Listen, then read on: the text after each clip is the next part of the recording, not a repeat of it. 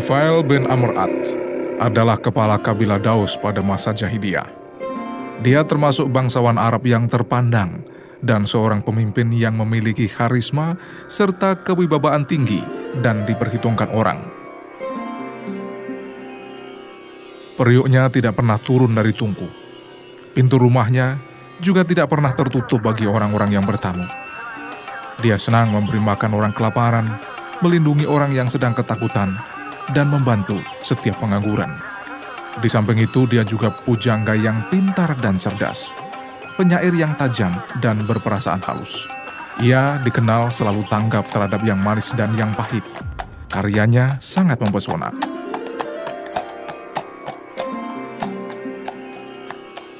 Pada suatu ketika, Tufail meninggalkan negerinya, Tihamah, menuju Mekah. Waktu itu, konfrontasi antara Rasulullah Shallallahu Alaihi Wasallam dengan kafir Quraisy sangat nyata. Masing-masing pihak berusaha memperoleh pengikut atau simpatisan untuk memperkuat golongannya. Senjata Rasulullah hanya mendoa kepada Allah, disertai iman dan kebenaran yang dibawanya. Sementara kaum kafir Quraisy menegakkan impian mereka dengan kekuatan senjata atau dengan segala macam cara untuk menghalangi orang banyak menjadi pengikut Nabi Muhammad Shallallahu Alaihi Wasallam.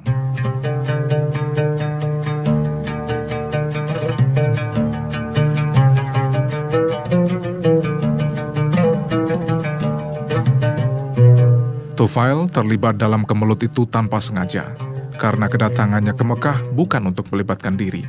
Bahkan pertentangan antara Nabi Muhammad dengan kaum Quraisy belum pernah terlintas dalam pikirannya sebelum itu. Kedatangan Tufail ke Mekah saat itu disambut luar biasa. Ia ditempatkan di rumah mewah. Kemudian para pemimpin dan pembesar Quraisy berdatangan menemuinya. Kata mereka, Hai Tufail, kami sangat gembira Anda datang ke negeri kami, walaupun negeri kami sedang dilanda kemelut. Ada orang yang berdakwah dan mengaku menjadi nabi. Perbuatannya telah merusak agama, kerukunan, dan memecah persatuan kita. Kami khawatir dia akan mempengaruhi Anda pula. Karena itu, saya sarankan jangan Anda dekati orang itu. Jangan berbicara dengannya, dan jangan pula mendengarkan kata-katanya. Sebab kalau ia berbicara, kata-katanya maut, bagikan sihir. Perkataannya dapat memisahkan anak dengan bapak, merenggangkan saudara, dan menceraikan istri dengan suaminya.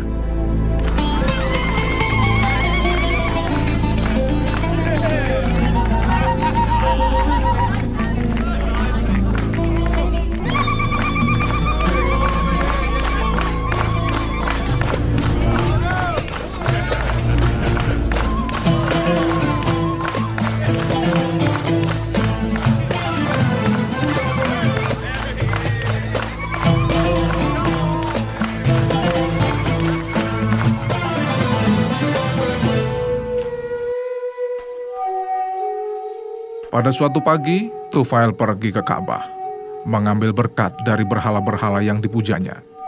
Telinganya disumbat dengan kapas karena takut suara Muhammad terdengar olehnya. Ia melihat Nabi Muhammad sedang sholat di dalam Ka'bah. Diperhatikannya, sholatnya tidak seperti sholat kaumnya, dan ibadatnya tidak seperti ibadatnya selama ini. Tufail terpesona melihatnya.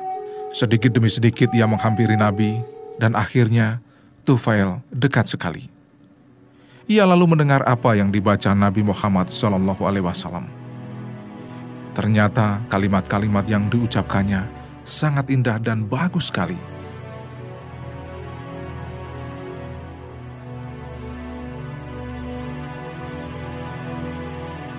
Saat itu hati Tufail langsung berontak. Betapa celakanya engkau, hai Tufail. Engkau seorang pujangga dan penyair, engkau tahu membedakan mana yang indah dan yang buruk. Apa salahnya kalau engkau dengarkan dia bertutur? Mana yang baik boleh engkau ambil, mana yang buruk tinggalkan. Batin Tofel berkata jauh lebih keras. Ya Muhammad, sesungguhnya kaum Anda berkata kepadaku tentang diri Anda begini dan begitu. Mereka menakut-nakutiku dengan Anda oleh karenanya aku menyumbat telingaku dengan kapas agar tidak mendengar perkataan Anda.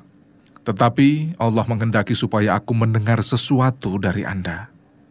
Ternyata, apa yang Anda ucapkan semuanya benar dan bagus. Maka ajarkanlah kepadaku agama Anda itu.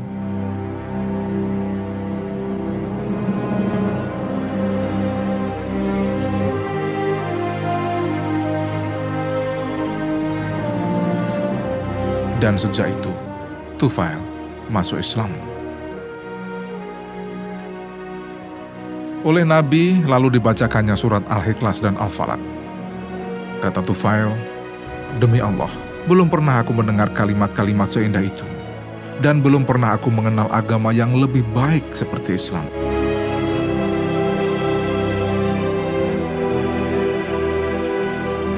Setelah memeluk Islam, Tufail menetap di Mekah beberapa lama, mempelajari agama Islam kepada Nabi Muhammad Shallallahu Alaihi Wasallam.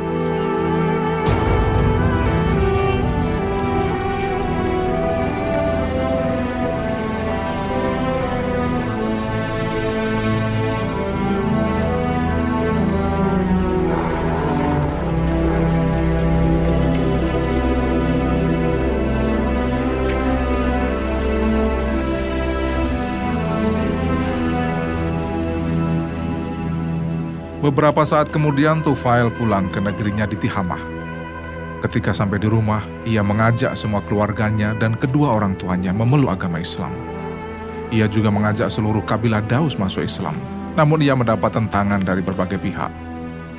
Tufail lalu datang menemui Rasulullah Shallallahu Alaihi Wasallam di Mekah bersama-sama dengan Abu Hurairah. Setelah mendengarkan cerita Tufail, Nabi lalu pergi mengambil wudhu, kemudian beliau sholat.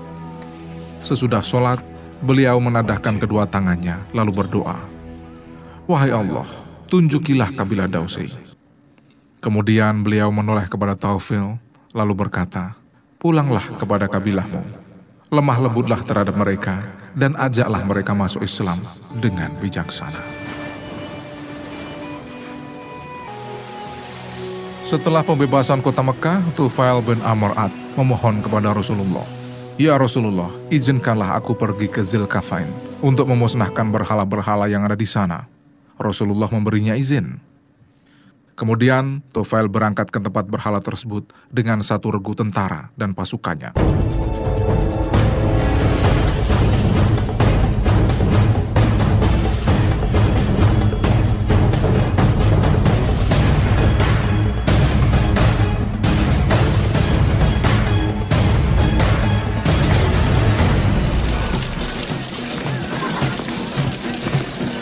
Sewaktu sampai ke sana dan mereka bersiap hendak membakar berhala Zilkafain, berkerumunlah kaum laki-laki, perempuan, dan anak-anak di sekitar mereka, menunggu apa yang akan terjadi. Mereka sebelumnya percaya benar akan terjadi petir dan halilintar bila Tufail menjamah berhala Zilkafain. Tetapi Tufail bin Amr'at dengan mantap meruntuhkan berhala itu, disaksikan para pemujanya sendiri. Ia menyulutkan api tepat di jantung Zilkafain sambil bersaja. Hei Zilkafain, kami bukanlah pemujamu. Kelahiran kami jauh lebih dulu dari keberadaan. Inilah aku, menyulutkan api tepat di jantung.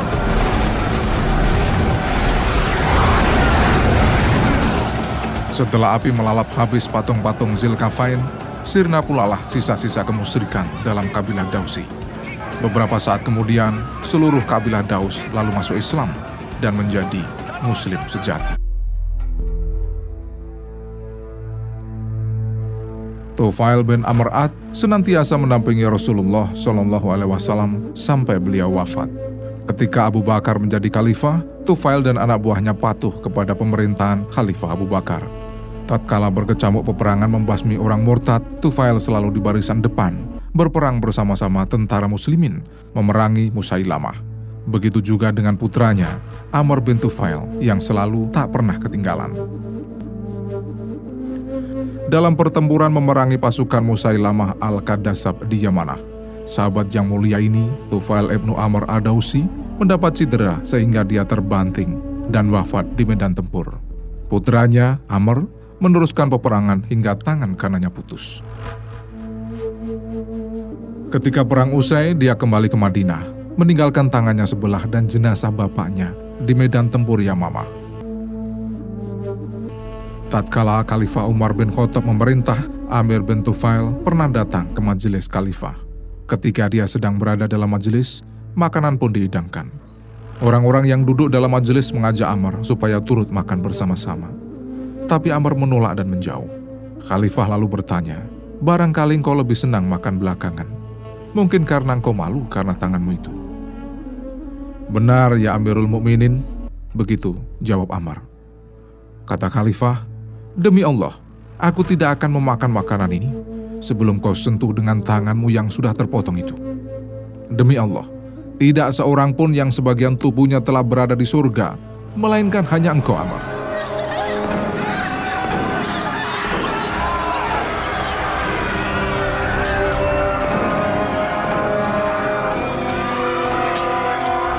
Mimpi Tufail menjadi kenyataan semuanya.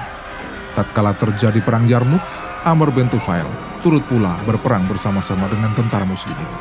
Amr tewas dalam peperangan itu sebagai suhada, seperti yang diharapkan bapaknya, Tufail bin Amr Ad.